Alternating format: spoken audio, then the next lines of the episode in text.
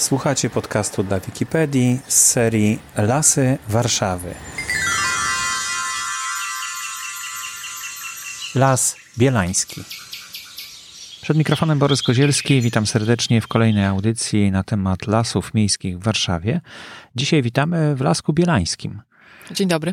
Jest ze mną pani Angelika Gackowska e, i e, właśnie o tym lasku, który jest no, według mnie jednym z najfajniejszych lasków, tak, z punktu widzenia mhm.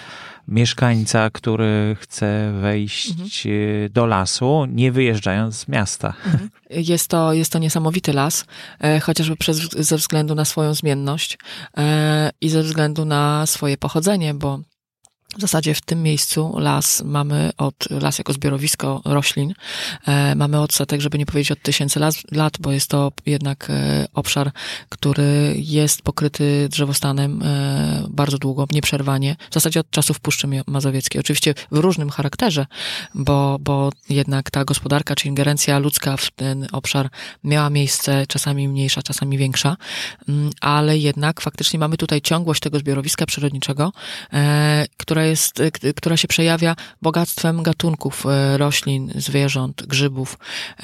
Na tym terenie zidentyfikowano około 400 gatunków. E, więc, 400? Tak, więc faktycznie jest to dosyć bogata pula i ten ten las jest również bardzo dobrze zbadany, bo w zasadzie od 200 lat mm, prowadzone są na jego terenie, terenie różnego rodzaju badania przyrodnicze, mhm. więc faktycznie można prześledzić losy e, tego lasu i losy jego mieszkańców e, dosyć dokładnie, no, w takiej skali unikatowej, w skali, w taki sposób unikatowy w skali kraju, e, jeżeli chodzi o długość i badań. Mhm. Czyli widać, że takie mm, krótkotrwałe, ale jednak bardzo niszczące działanie, tak jak w czasie II wojny światowej, mhm. no nie spowodowało, że ten las przestał istnieć w ogóle, tylko on się dosyć szybko odrodził. Tak, bardzo szybko się regeneruje. Jest, jeżeli ktoś chce zobaczyć, jak wyglądał las przed II wojną światową i bezpośrednio po II wojnie światowej, to można to sprawdzić na mapach historycznych publikowanych przez Urząd Miasta na stronie umwarszawa.pl. W zakładce historycznych e, map możemy sobie włączyć podgląd z 1935 roku. Tam właśnie zdjęcia lotnicze sięgają do Lasu Bielańskiego, a następnie włączyć 45 rok. I różnica e, będzie ogromna. Po prostu w 35 roku mamy zwarte, zwarto połać koron drzew, w 45 roku mamy pojedyncze drzewa e, rosnące w jakimś oddaleniu od siebie.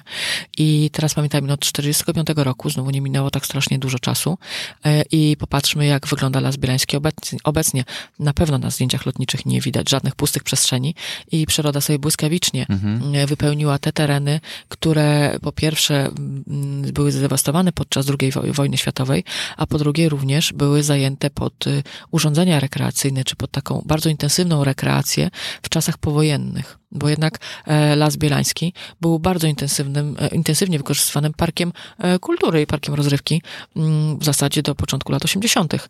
No ta słynna karuzela na Bielanach właśnie w Lesie Bielańskim miała swoje miejsce w, w okolicy ulicy Podleśnej i ten charakter został celowo zmieniony, tak? To znaczy. Mm, to... Tak. E, przyrodnicy, którzy badali ten las, e, mieli do, bardzo dobre, dobrą świadomość e, unikatowości zbiorowisk i jego, powiedzmy, znaczenia i konieczności ochrony tych zbiorowisk leśnych w tamtym czasie. Sam rezerwat został powołany w 1973 roku, ale, ale świadomość właśnie, jak bardzo unikatowy jest to obiekt w skali mhm. okolicznych lasów, była oczywiście dużo wcześniejsza e, i poprzedziła e, utworzenie rezerwatu na tym terenie e, i ta świadomość również wspomogła podjęcie decyzji o przeprowadzeniu Wisłostrady nie przez środek Lasu Bielańskiego, jaka pierwotnie, pierwotnie był taki plan, aby Wisłostrada biegła ulicą Marymącką, a później ulicą Dewajtis i dalej wzdłuż Wisły, co przecięłoby ten kompleks i zniszczyło w zasadzie go bezpowrotnie. Mm, jednak przyrodnikom udało się namówić władze państwowe w tamtym czasie podczas podejmowania decyzji o kierunkach rozwoju miasta, kierunkach arterii komunikacyjnych, mhm. które, które były budowane. Udało się namówić na zastosowanie bardzo nowatorskiego i bardzo drogiego w tym, w tamtym czasie rozwiązania, czyli budowy Wisłostrady na estakadach wzdłuż Wisły, I to jest to. to nad Wisłą niemalże. Na, niemalże mhm. nad Wisłą. E, inżyniersko w tamtych, w latach 70., e, w pierwszej połowie lat 70. to było dosyć duże wyzwanie e, i dosyć duży koszt, ale właśnie e, udało się, udało się podjąć taką decyzję i dzięki temu mamy taki Las Bielański, jaki mamy. I ulica Dewajtis jest taką wąską, dojazdową uliczką do, e, e, do UKSW, a nie kilkupasmową arterią przecinającą las w obu kierunkach, więc, więc to przede wszystkim zaważyło o tym, że ten las jednak nie stracił takiego charakteru zbliżonego do naturalnego. Mhm. No piękny jest y, las. Y, od razu jak tylko się wejdzie w, w granice tego lasu, to się człowiek czuje zupełnie mhm. tak jakby był no, setki kilometrów od Warszawy niemalże. Tak i, te, i to wrażenie potęgują te ogromne drzewa, które występują no właśnie, w tym lesie. Ogromne, takie bogactwo wewnętrzne. Ogromne dęby, tak i bardzo bogate dru, drugie co tam, piętro. Co tam możemy zobaczyć w tym lesie? Jakie to, to są głównie gatunki? Bo sosna tutaj nie jest tak mocno reprezentowana. E, sosna nie jest mocno reprezentowana. Musimy pamiętać, wchodząc do lasu, że sam rezerwat nie obejmuje całej powierzchni tego lasu, z którego możemy korzystać. Sam rezerwat obejmuje 132 hektary, e, a część lasu, to właśnie ta sosnowa w pobliżu ulicy Marymąckiej, e, należy do otuliny e, rezerwatu. I ta część e, tego lasu jest takim e, samozrzutnym, w zasadzie częściowo, częściowo planowym zalesieniem terenów, które były używane przed II wojną światową przez wojska carskie i były dosyć mocno zdegradowane. I tam zresztą na tym terenie jeszcze można spotkać e, ruiny fundamentów dawnych zabudowań wykorzystywane właśnie przez wojska w pobliżu na przykład pola Hutnika występują takie resztki, e, czy nawet resztki jakiejś bramy, resztki ogrodzeń, e, więc to, to pokazuje w jaki sposób ten najwyższy taras e, wydmowy był zagospodarowany, bo jednak Las Bielański ma właśnie przez bliskość Wisły taką tarasową strukturę, ale w momencie, kiedy już zanurzamy się niżej, schodzimy niżej, bliżej, bliżej Wisły, wtedy już napotykamy na grunt wysoki, czyli już takie drzewostany liściaste, później niżej mamy lasy łęgowe na niższych nadwiślanych tarasach i praktycznie docieramy do samej Rudawki, gdzie już w ogóle mam takie bardzo wilgotne e, zbiorowiska. Mm, także na tym w sumie niewielkim terenie, no bo te nie, niecałe 200 hektarów to, to przecież nie jest tak znowu dużo e, tego lasu. Mamy tak naprawdę całe bogactwo różnego rodzaju e, e, obrazów lasu, czy różnego rodzaju siedlisk i możemy tutaj podziwiać e, różne, różne, różne drzewostany o różnym charakterze, różnym składzie gatunkowym, w różnym e, etapie na przykład renaturalizacji, bo jednak ten las po ustąpieniu tej funkcji rekreacyjnej bardzo szybko się regeneruje E, I częściowo oczywiście te miejsca, które były wykorzystywane pod park kultury, e, były mm, podsadzone przez człowieka w sposób sztuczny, ale w dużej mierze po prostu następuje tutaj e, naturalny obsiew różnego rodzaju gatunków liściastych i to drugie piętro w większości już jest pochodzenia naturalnego takiego, czyli samo się po prostu obsiało i rośnie to, co chce i co powinno w danym miejscu rosnąć. Więc, chociaż może nie wszędzie, bo gatunki obce też na terenie tego lasu mają swoje miejsce i tutaj staramy się z nimi walczyć różnymi sposobami, aczkolwiek one mm, nie zagrażają w taki sposób bezpośredniej stabilności e, tego rezerwatu czy stabilności tych zbiorowisk. Mhm. E, ale jak e, wchodzimy do lasu od strony na przykład ulicy Podleśnej, to tam mamy dwie ścieżki, w lewo mm -hmm, i w mhm, prawo. Mm -hmm. I to, no to są takie główne chyba arterie, tak? tak? tak. Tego, tego jedna, lasu. jedna prowadzi takim e, dolnym tarasem e, wzdłuż właśnie tych wilgotnych zbiorowisk, wzdłuż w zasadzie po granicy gruntu mm, niskiego i już e, lasów To ta w prawo, tak? To ta w mhm. prawo. E, I tam jest, no tam jest po prostu bardzo ciekawie. Jest to bardzo taki mm, wilgotny, e, wilgotny las. Tam jest zupełnie inny mikroklimat. Jednak te, w sezonie letnim mm, to zwarcie koron jest bardzo intensywne. Tam jest dosyć ciemno i chłodno. Jeżeli wybierzemy tą ścieżkę lewą, to wchodzimy na górę, na, ta, na tak zwany e, górny taras, gdzie mamy pozostałości właśnie dawnego Parku Kultury. I tam są te miejsca, które były wykorzystywane między innymi pod karuzelę i inne e, okoliczne elementy rekreacyjne. I te tereny częściowo były zalesiane po ustąpieniu tej funkcji rekreacyjnej, właśnie sztucznie przez, e, przez poprzedników obecnych leśników gospodarujących na tym terenie, bo wcześniej jednak ten las był zarządzany i przez Zarząd Oczyszczania Miasta i przez MPRO, czyli Miejskie Przedsiębiorstwo Przedsiębiorstwo Robót Ogrodniczych i tutaj jednostki nadzorowały gospodarkę leśną, między innymi w Lesie Bielańskim w ubiegłych latach, mówimy tu o latach 70., 80. Mm, I, e, i przez nich została właśnie e, prowadzona, czy wprowadzane te, te zalesienia w tamtych terenach, e, taka rekultywacja terenu została przeprowadzona, której efekty widzimy teraz. E, I właśnie poruszając się dalej tą lewą ścieżką, możemy wyjść na górny taras, mhm. przejść w zasadzie górą, górą skarpy, tym grądem wysokim i dojść w zasadzie do, mm, do ulicy Devaitis, czy na przykład dalej w stronę Polany Hutnika, która jest położona na dawnym forcie. Mhm. I obo, obie te ścieżki są udostępnione i dla ruchu pieszego, i dla ruchu rowerowego. Tak, e, te obie ścieżki są udostępnione dla ruchu pieszego i dla, rowerowego. Dla rowerowego.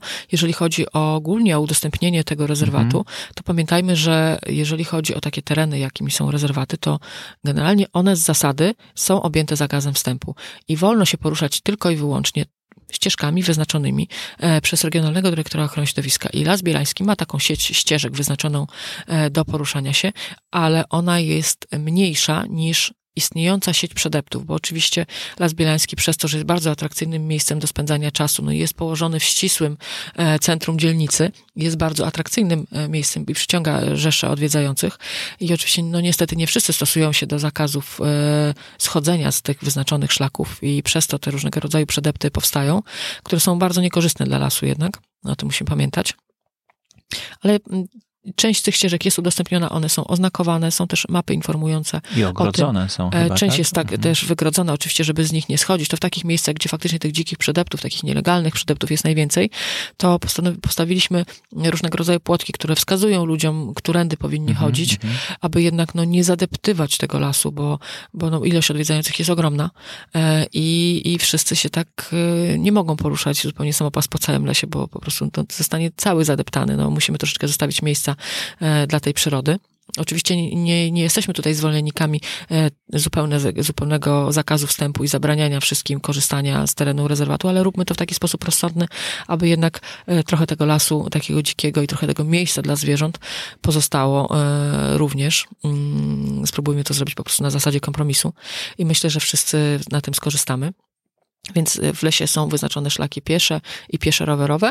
E, I apeluję o to, żeby jednak korzystać y, głównie z tych szlaków i nie schodzić z nich. Mhm. Co jest jeszcze istotne, poza tymi szlakami e, my nie zajmujemy się drzewami w takim e, układzie, że nie, nie dbamy o bezpieczeństwo osób wchodzących, czyli nie usuwamy gałęzi, które mogą być złamane, mogą zwisać, mogą, czy drzew, które są obumierające, mogą się w każdej chwili zwalić na taką ścieżkę. Mm, więc schodzenie z wyznaczonych szlaków również wiąże się z wyższym E, ryzykiem e, zagrożenia bezpieczeństwa takiej osoby. No bo tam nic nie jest robione. No, no właśnie, mhm. to, to, to, na czym to polega w takim razie? Opieka nad takim lasem, czy tylko nad dbaniu o, tych, o te ścieżki? Mhm. Mhm. No bo skoro to rezerwat, no to sam się rządzi, tak, wewnątrz? No teoretycznie sam się rządzi wewnątrz, ale pamiętajmy, że jeżeli chodzi o wpływy miasta, to one sięgają bardzo, bardzo głęboko do samego środka tego rezerwatu e, i nie możemy zapominać e, o ich istnieniu e, i twierdzić, że las się sam będzie rządził i że nie, w związku z tym nie powinniśmy niczego w jego, e, na jego terenie robić. E, las, pod, po, Las Bielański akurat e, podlega naprawdę bardzo dużej presji. Jest to chyba jeden z najbardziej takich mm, lasów, które odczuwają negatywny wpływ miasta. Przede wszystkim w kontekście spadku poziomu wód. Poziomu wód. Las Bielański był zasilany między innymi potokiem bielańskim, który ma swoje źródło w zasadzie w rejonie Lasku na Kole i tereny tego potoku bielańskiego zostały w iluś miejscach, czy w zasadzie zlewnia potoku bielańskiego w iluś miejscach została przecięta powstającą zabudową. Więc las bielański już nie jest zasilany wodami potoku bielańskiego. Tutaj ten, ten poziom wód y, w zasadzie obniżył się w niektórych częściach lasu o dwa metry. E, e, wody podpowierzchniowe, taki pierwszy poziom wód również e, został zaburzony poprzez wszystkie te budowy, budowy osiedli, mhm. budynki funkcjonujące po południowej stronie Lasu Bielańskiego, ulicę Marymącką, to, to mm, obniżenie poziomu o dwa metry to jest bardzo dużo w stosunku do tego, jak, w jakich warunkach wyrosły na przykład te ogromne dęby, które widzimy w Lesie Bielańskim.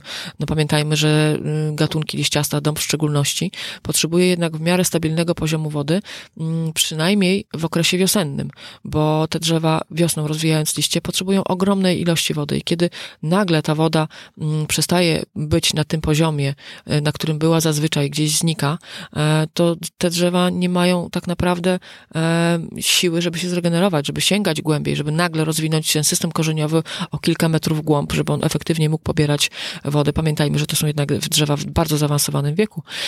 I to między innymi przyczyniło się do takiego masowego zabierania tych starych dębów, bo jeżeli popatrzymy sobie na przykład jesienią czy zimą, wtedy, kiedy już nie ma liści tego drugiego piętra i widzimy korony, mm, korony drzew w górnym piętrze drzewostanu, no to niestety zauważymy, że sporo tych ogromnych dębów po prostu zamiera albo już są martwe. Więc przede wszystkim wpływ ma tutaj wahanie i to takie gwałtowne obniżenie poziomu wód. E, rudawka również, czyli to jest ten mm, ciek wodny, który jest na północnym skraju e, lasu, równolegle do Wisły płynie, e, e, z, powiedzmy z okolic Kępy Potockiej, również nie prowadzi, nie meandruje tak, jak wcześniej meandrowała, miała uregulowane koryto, e, co nastąpiło w latach powojennych i również nie, nie prowadzi tej wody w taki sposób, aby ją jak najbardziej zmagazynować. Te zbiorowiska wyglądają, leśne zbiorowiska wyglądają zupełnie inaczej. To już nie są takie olsy, gdzie mamy lustro wody i kępki olsz mhm. rosnących na, na jakichś wysepkach. To jest po prostu już bardziej las łęgowy, las wilgotny i faktycznie faktycznie no, tej wody y, ubyło. Widać to też po, y, po składzie gatunkowym herpetofauny, czyli płazy i gady. Inwentaryzowano 12 gatunków płazów i gadów na terenie Lasu Bielańskiego w ubiegłych latach. Obecnie występują tu w zasadzie tylko dwa. Więc y, to też wskazuje, a te gatunki jednak są związane z dwa? wodą. Mhm. E, muszę sprawdzić. Mhm. Więc, więc po prostu ubytek, e, ubytek tych gatunków e, jest, e, jest bardzo znaczny. W Lesie Bielańskim występuje robucha szara i żaba trawna. Nie ma pozostałych mhm. gatunków płazów, więc właśnie przez to, że tej wody nam tutaj zaczyna brakować. I w zasadzie jest to, jest to tendencja taka nie do odwrócenia w tym momencie, bo nie, miasto nie zniknie z otoczenia Lasu Bielańskiego. Wahania poziomu wód, które wynikają też z wahań klimatycznych, też się nie, nie znikną. Mhm. E, I Znaczy mogą się pogłębiać. Będą nawet. się pogłębiały. Mhm. E, w związku z tym e, my musimy mieć świadomość konieczności ingerencji w ten las i taką świadomość i takie zapisy mm, właśnie za, zakłada plan ochrony. Czyli to jest taki dokument planistyczny, który jest opracowany dla Lasu Bielańskiego na 20 lat. Został powołany w 2016 roku.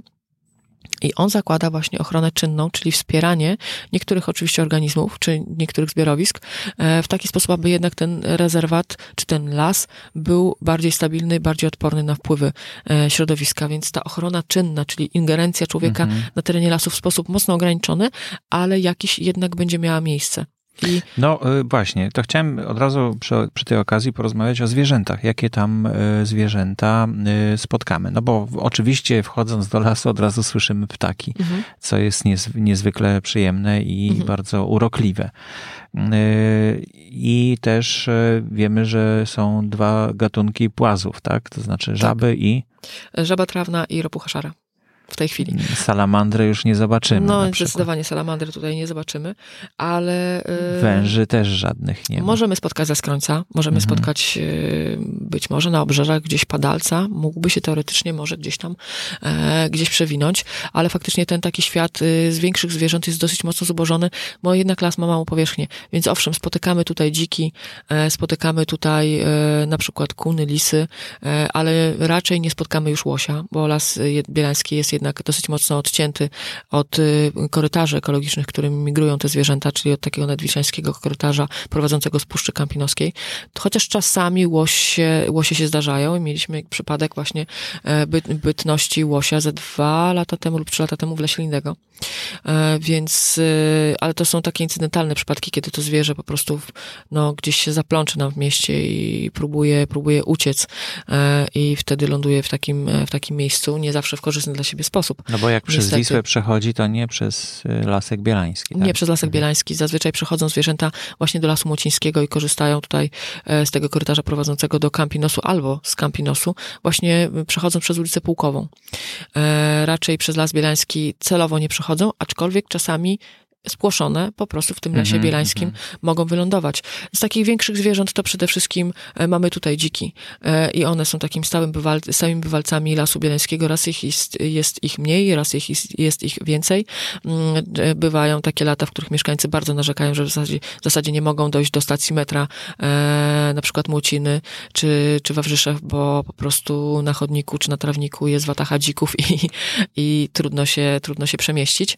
E, omijając te zwierzęta, ale dziki nie są groźne dla człowieka i tutaj nie powinniśmy się bać. Oczywiście nie, nie wolno ich traktować e, bez należytego szacunku, bo mogą być groźne, ale takie buchtujące dziki na trawnikach czy przemieszczające się w lesie nie stanowią zagrożenia. Oczywiście o ile ich nie poszczujemy naszym psem, czy nie będziemy gonić za nimi, straszyć ich, albo nie będziemy ich po prostu zachęcać do jedzenia z naszej ręki, mhm. bo to są bardzo niebezpieczne, mm, niebezpieczne pomysły, które czasami się e, pojawiają u niektórych osób. Odradzamy tutaj takie, takie działania. E, więc e, ten las bielański również, jeżeli chodzi o skład gatunkowy ptaków, też został mm, w ostatnim czasie, powiedzmy, trochę ten skład gatunkowy ptaków został zubożony, e, ale ma to też y, związek ze zmianą struktury lasu bielańskiego, ponieważ część gatunków ptaków po prostu lubi, jest związana z takimi przestrzeniami otwartymi, a w związku z tym, że w lesie bielańskim te procesy re, mm, renaturalizacji są bardzo e, intensywne, to to drugie piętro drzewostanu, które rośnie pod tymi ogromnymi dębami, jest coraz bardziej zwarte. I po prostu część gatunków, które no nie lubi takiej, takiej ciemnicy, no musi ustąpić, musi się wyprowadzić. W to miejsce wchodzą inne gatunki, ale mamy tutaj całkiem na przykład sporo dzięciołów, czy ptaków, które korzystają mm, z martwego drewna, bo jednak Las Bielański ma ogromny rezerwuar martwego drewna i wykuć sobie e, dziuple, czy zbudować e, po prostu jakiś domek mm, w oparciu o takie próchniejące kłody jest stosunkowo łatwo. Takich miejsc bytowania jest dużo. I oczywiście w tym martwym drewnie bytuje również cały szereg różnego rodzaju owadów które no i są właśnie, zjadane. I też pod ochroną jest tak, jeden z nich. E, Nawet dwa z nich są pod ochroną mhm. i to dosyć ścisłą. Mianowicie to na tych kozi- dębach tak, kozioróg się, dębosz mhm. i pachnica purchniczka. I to są takie dwa gatunki, dla których e, powołano obszar, między innymi dla których powołano obszar Natura 2000. E, więc tutaj one są takimi gatunkami priorytetowymi i są po prostu objęte ochroną. I co one takiego robią? Co one są bardzo cenne, bo są w tym łańcuchu istotne, tak? Rozumiem. One są istotne w łańcuchu obiegu materii, ponieważ są to gatunki, które są związane e, ze starymi, obumierającymi dębami. E, I oczywiście możemy powiedzieć, że to te gatunki zabijają te dęby, ale tak naprawdę one, e, one owszem, w jakiś tam sposób uszkadzają dęby, bo koziorogi, koziorg dębosz żeruje pod korą takich osłabionych drzew, ale oczywiście on jest po prostu jednym z elementów łańcucha pokarmowego, czy łańcucha po prostu sieci zależności między różnymi organizmami. I on przygotowuje miejsce dla kolejnych organizmów, które już bytują w takim martwym drewnie, a mm, koziorok jest o tyle specyficzny, że w zasadzie na naszym terenie osiąga północny, północną granicę zasięgu. E, i przez to, że wymaga e, dużej ilości martwego drewna i bardzo starych drzew, które też częściowo muszą być jednak naświetlone, bo on potrzebuje jednak trochę e, więcej ciepła niż, niż mógłby mm, uzyskać w takim zwartym, pod zwartym, zwartą koroną, mhm. koronami drzew, mm, to, to jest, no, jest takim dosyć dużym unikatem na skalę krajową e, i posiadanie właśnie takich gatunków jak pachnica pruchniczka czy kozioróg dębosz w zasadzie prawie, że w centrum miasta e, no jest naprawdę czymś unikatowym, jeżeli chodzi o zasoby przyrodnicze i te gatunki faktycznie tutaj są objęte ochroną. Dla nich jest zaprojektowana w planie ochrony część zabiegów ochrony czynnej, mianowicie na drzewach e, czy na pniach dębów, na których zinwentaryzowano koziorogi, znaczy pnie dębów, na na których zinwentaryzowano koziorogi, e, będą e, w najbliższym czasie odsłaniane, czyli będą um, usuwane drzewa, które zacieniają od strony południowej e, te dęby, tak aby jednak poprawić tym koziorogom. Docieplić, tak? Docieplić, dokładnie. Docieplić trochę te miejsca, miejsca bytowania. Oczywiście nie, nie mówimy tutaj o wycinaniu całego połacia lasu, tak aby doświetlić jedno drzewo, no bo to byłoby działanie zupełnie e, nie, nierozsądne, mm, ale faktycznie to będą punktowe wycinki, one będą miały miejsce tylko w uzasadnionych przypadkach tak aby jednak tym owadom poprawić trochę e, funkcjonowanie.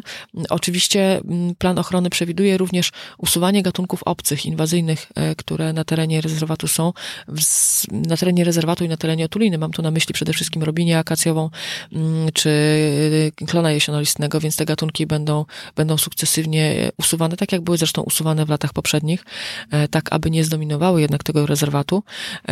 I... No ta rubinia to w całej Warszawie się rozpleniła chyba mhm. prawda? To jest, to jest robinia akacjowa, to jest bardzo ciekawy gatunek i ona została sprowadzona do Europy w XVII-XVIII wieku po to właśnie, aby zastąpić dąb. E, bo dąb zawsze był cennym gatunkiem, ale przez to, że rośnie bardzo powoli, wymaga dosyć specyficznych warunków w młodym wieku, czyli dosyć intensywnego zwarcia, ocienienia e, i ten wzrost w młodych latach ma bardzo powolny, on często padał po prostu ofiarą wypasania lasów, wypalania lasów, czy takiej rabunkowej gospodarki, mm, bo pamiętajmy, że jednak no, do, te 200 lat wstecz, czy jeszcze dalej, no nikt nie, plan, plan, nie, plan, nie prowadził Mhm, planowo mhm. gospodarki leśnej, nie dbał o zasoby leśne, tylko po prostu wycinano tyle, ile było potrzeba. E, przemysł się rozwijał, rozwijały się, no nie wiem, na przykład e, osiedla, trzeba było budować różnego rodzaju konstrukcje, więc te ilości drewna były coraz bardziej e, potrzebne i coraz więcej tego drewna wykorzystywano w całej Europie. No i w jakimś momencie zorientowano się, że kurczę, no brakuje tego dobre, dobrej jakości surowca. No i już wtedy e, Ameryka była znanym kontynentem i właśnie robienia akacjowa pochodzi y, z, z terenu Ameryki Północnej. I jest takim gatunkiem, który w zasadzie, jeżeli chodzi o swoją jakość, niewiele ustępuje dębom, dębom, e, a rośnie bez porównania szybciej. E, Jest w stanie bardzo sprawnie przyrastać nawet na dosyć ubogich terenach. I właśnie to, y, to, co stanowi o sile tego drzewa, czyli jego mm, bardzo głęboki system korzeniowy, bardzo niewielkie wymagania, stanowi również jednocześnie zagrożenie dla naszych lokalnych gatunków, które mają trochę wolniejszy wzrost w danych warunkach e, siedliskowych e, i po prostu często taką walkę z robinią przegrywają. Więc tutaj my musimy wejść z cięciami Mhm. e, mm, i z różnego rodzaju zabiegami ograniczającymi rozwój robini akacjowej po to, żeby jednak wspierać te nasze lokalne gatun- gatunki, między innymi dęby, e, ale, ale oczywiście robimy to zawsze w taki rozsądny sposób, tak aby mm, no, nie wyciąć za dużo naraz, nie, nie, nie przeprowadzać takich cięć w okresie lęgowym ptaków, bo to byłoby bezzasadne. Mm, Po prostu chodzi o to, żeby jednak no, ograniczać ekspansję gatunków, ale niekoniecznie ze szkodą dla lokalnych zbiorowisk. Dużym problemem też jest niecierpek e, drobnokwiatowy. To jest taka roślina, która jest w runie i która e, w, e, w lesie bielańskim zajmuje całe połacie, w zasadzie e, wypierając inne rośliny runa e, w stu procentach. Po prostu zarasta e, dno lasu bielańskiego i nie tylko lasu bielańskiego, bo to jest taka roślina, która się bardzo sprawnie, e, bardzo szybko się rozmnaża jest bardzo ekspansywna i w zasadzie jej usuwanie em, powinno polegać na wyrywaniu kilkukrotnym, wyrywaniu i wykaszaniu kilkukrotnym w ciągu sezonu. No oczywiście nikt nie jest w stanie sfinansować tak dużego zabiegu na terenie, na terenach leśnych i powiedzmy sąsiadujących z, las, z lasami, bo, bo ta roślina się bardzo też y, dobrze czuje na terenach takich y, poza lasem. Mm, Więc y, nie wiem, jak będzie wyglądała nasza e, walka z niecierpkiem, e, nasza mówię w kontekście tutaj kraju, bo to, Mhm. to nie jest tylko warszawski problem. E, Ten problem jest dostrzeżony w różnych miejscach. E, Na pewno jakieś działania będą podejmowane, ale, ale z jakim skutkiem, w jakiej perspektywie czasowej dadzą zadowalający efekt, trudno jest mi powiedzieć. A faktycznie ten niecierpek łanowo zarastając dno lasu po prostu uniemożliwia też rozwój siewkom drzew, na przykład, y, na przykład tym dębom. Mm, Uniemożliwia rozwój roślinności runa, bo e, niecierpek to jest taki gatunek, który jednak no, bardzo szybko, bardzo wcześnie wiosną zaczyna się rozwijać i w zasadzie tylko te pierwsze kwitnące rośliny typu zawilce czy przylazki Zdążą są w stanie, przebić. są w, stanie się rozwinąć przed roz- rozwinięciem niecierpka, a później w zasadzie do, późne, do, do późnego lata, wczesnej jesieni mamy łan, e, nieprzerwany łan niecierpka na dnie lasu. E, I to jest też no, bardzo niekorzystne zjawisko, ale faktycznie on jest najtrudniejszy, dużo trudniejszy do usunięcia w porównaniu na przykład do dęba czerwonego, robinia akacjowej czy klonu leśnolistnego. Mhm. Y, Rubinia akacjowa jest często mylona z akacją, prawda? Tak, akacja to jest taka potoczna nazwa, a w rzeczywistości nazwą taką właściwą gatunkową to robinia akacjowa. To czym ona się różni od e, Akacja, akacji? akacja rośnie w Afryce. Ma kolce, jest zjadana przez żyrafy e, i na, u nas zdecydowanie nie występuje, a robinia akacjowa no to jest taki gatunek właśnie intro- y, sprowadzony do nas, e, który w niektórych... y, Czyli mm, wszystko, jest, co widzimy w Polsce, co to jest robinia to akacjowa. Na pewno u jest- nas nie ma akacji, e, poza jakimiś e, mi- miejscami, nie wiem, gdzie faktycznie sztucznie się to uprawia w jakichś e, określonych warunkach, w jakichś, arboretach. To wszystko to, co widzimy, to jest, to jest właśnie robinia akacjowa. E, Robinia akacjowa, jeżeli chodzi o warunki miejskie, jest bardzo dobrym gatunkiem. Warunki miejskie takie na terenach takich mocno zurbanizowanych przez tą swoją wytrzymałość i żywotność jest takim gatunkiem, który właśnie nadaje się dosyć dobrze do wprowadzania e, przy ulicach, czy w różnego rodzaju takich terenach zurbanizowanych, e, ale, ale ona jest jest krótkowieczna w porównaniu do naszych gatunków i on jednak tak samo jak w przypadku topoli powinniśmy pamiętać, że należy te drzewa e, częściej wymieniać. Z taką cechą charakterystyczną robinie akacjowej jest, są jej kwiaty. Ona w zasadzie teraz już przekwitła, mamy już Mhm. połowę czerwca, ale na przełomie maja i czerwca pięknie kwitnie, pięknie pachnie i jest e, bardzo mm, dobrym pożytkiem dla pszczół. E, Jednak pszczoły bardzo korzystają z, z nektaru, z pyłku, z robiny akacjowej e, i miód z robiny oczywiście jest również bardzo smaczny i to pszczelarstwo miejskie mm, w Warszawie też ma się całkiem, e, całkiem nieźle i można wbrew pozorom pozyskiwać dosyć dużo tego miodu i innych pożytków e, z właśnie z terenów miasta. One nie są zanieczyszczone, czego byśmy się jednak spodziewali w takich warunkach, a, a taki miód jest, jest bezpieczny do spożycia. I takich pasiek w mieście e, jest sporo, również w lasach miejskich i w Lesie Bielańskim również jest pasieka. E, Więc, Jest pasieka, tak? tak, jest Mhm. pasieka. Na terenie dawnej gajówki przy ulicy Kamedulskiej em, udostępniamy miejsce, e, oczywiście w porozumieniu z Generalną Dyrekcją Ochrony Środowiska, bo to organ nadzorujący tutaj takie działanie musi wyrażać zgodę, ale udostępniamy miejsce pasiekom po to, żeby po prostu tych jednak pszczół i tego możliwości było więcej, możliwości zapylania e, różnych roślin przez owady było, było coraz więcej, bo mm, oczywiście zawsze na terenie każdego lasu y, bazuje taka stała pula takich dzikich zapylaczy i to jest podstawa, o której powinniśmy pamiętać. One są najważniejsze w tym całym systemie zapylania, ale zawsze warto to wspomóc e, właśnie również pszczołami. e, Które, które produkują miód, mieszkają w pasiekach i są takimi naszymi hodowlanymi owadami. Czyli miód akacjowy to będzie miód z rubini akacjowej, tak, tak, naprawdę. z rubini akacjowej, tak. Y, Dobrze. Y, Mówiliśmy o tym, że y, zmieniają się warunki klimatyczne, zmienia się też poziom wody Mhm. w Warszawie. Te poziomy tak gwałtownie się też zmieniają, w sensie, że jest- nawał, a potem długo Mhm, susza. mhm, mhm. Przez to y, no, te dęby mają kłopot duży. Mhm. Właśnie jakie jeszcze zagrożenia mm, tego lasu y, bielańskiego pani może zidentyfikować? Jeżeli chodzi o wodę, to tutaj e, również budowa wałów wiślanych, e, odcinających jednak Wisłę od Lasu Bielańskiego, od takich e, cyklicznych zalewów, też mają bardzo niekorzystny wpływ, przede wszystkim na te dolne tarasy w Lesie Bielańskim. E, I w zasadzie, w zasadzie no, ta woda, mm, czy w zasadzie jej brak e, w różnych miejscach i różnymi elementami spowodowany, to jest, to jest takie podstawowe zagrożenie dla tego Lasu Bielańskiego. Las Bielański e, przez to, że jest e, objęty ochroną rezerwatową i posiada otulinę, e, i tak naprawdę w większości jest otoczony miejscowymi planami zagospodarowania przestrzennego, które jednak porządkują e, zabudowę i nie do, mm, w obecnym kształcie nie dopuszczają do nadmiernej zabudowy w jego e, ok- bezpośredniej okolicy. Mm, Jest w zasadzie dosyć bezpieczny. Tutaj nie widzę takich bardzo dużych zagrożeń, bo, e, bo takie zagrożenia jak właśnie na przykład mm, rozwój komunikacyjnej mm, sieci e, w oparciu o teren leśny, czy powstanie jakiegoś zakładu przemysłowego w pobliżu lasu e, raczej nie wchodzi w rachubę. Tutaj to właśnie poziomy wód, ale też ta presja rekreacyjna jest dosyć intensywna i to też jest takie, takie zagrożenie, które powinniśmy również brać pod uwagę, bo jednak ta ilość osób, które odwiedzają Las Bielański, płoszą zwierzęta, zadeptują runo, e, niszczą często też skarpy, bo mamy tutaj do czynienia z takimi nielegalnymi torami do jazdy rowerowej, wyczynowej, e, no to też, też powodują dosyć znaczne uszkodzenia. Mm, Oczywiście może się wydawać komuś, że a co tam, to przecież tylko parę metrów kwadratowych ziemi. No, no niby tak, ale tu parę metrów kwadratowych, tu parę metrów, tam parę metrów i to się składa mm, w sumie na, na co roku znikające już konkretne metry, setki czy, czy tysiące metrów kwadratowych powierzchni lasu która już nie pełni swoich funkcji. E, A tam pamiętajmy, gdzie ten teren jest wydeptywany, gdzie ta ziemia jest zagęszczana. Korzenie drzew mają dużo trudniej, e, jeżeli chodzi o pobranie tej resztki wody, która się znajduje w tym lesie bielańskim.